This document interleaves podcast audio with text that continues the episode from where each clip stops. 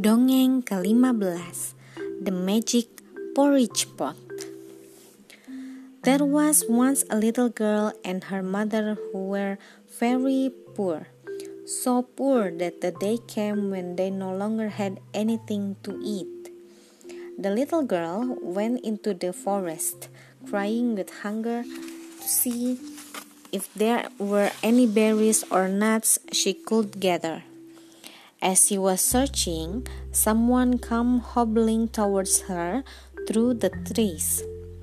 It was an old woman carrying a little cooking pot. Don't cry, dear, said the old woman kindly.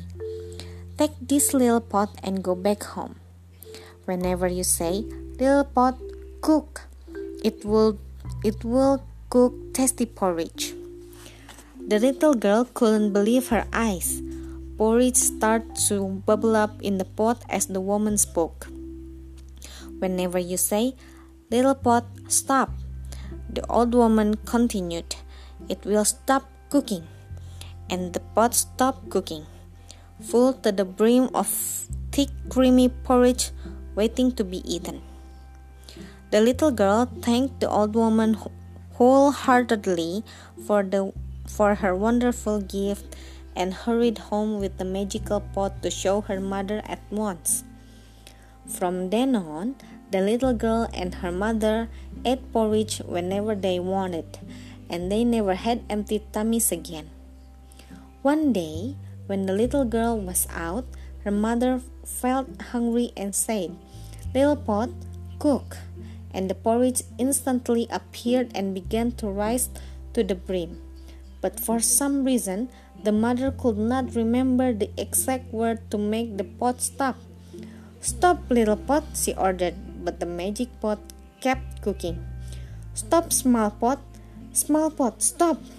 Enough, small pot, small pot, enough. But still the pot kept cooking and cooking and cooking. The porridge flowed over the edge of the pot and onto the floor and still it cooked on until the kitchen was flooded. The little pot bubbled on until the porridge spread out into the street. Then the sticky goo flowed into the house next door, and the next, and the next, and still it kept coming. Everyone was crying and wading through porridge, and no one knew how to stop it. When the porridge was about to flood the last house in the village, the little girl came home. Little pot, stop, she commanded firmly, and the pot stopped cooking at once. Then everyone had to eat the village clean. The end. Terima kasih telah mendengarkan. Selamat malam.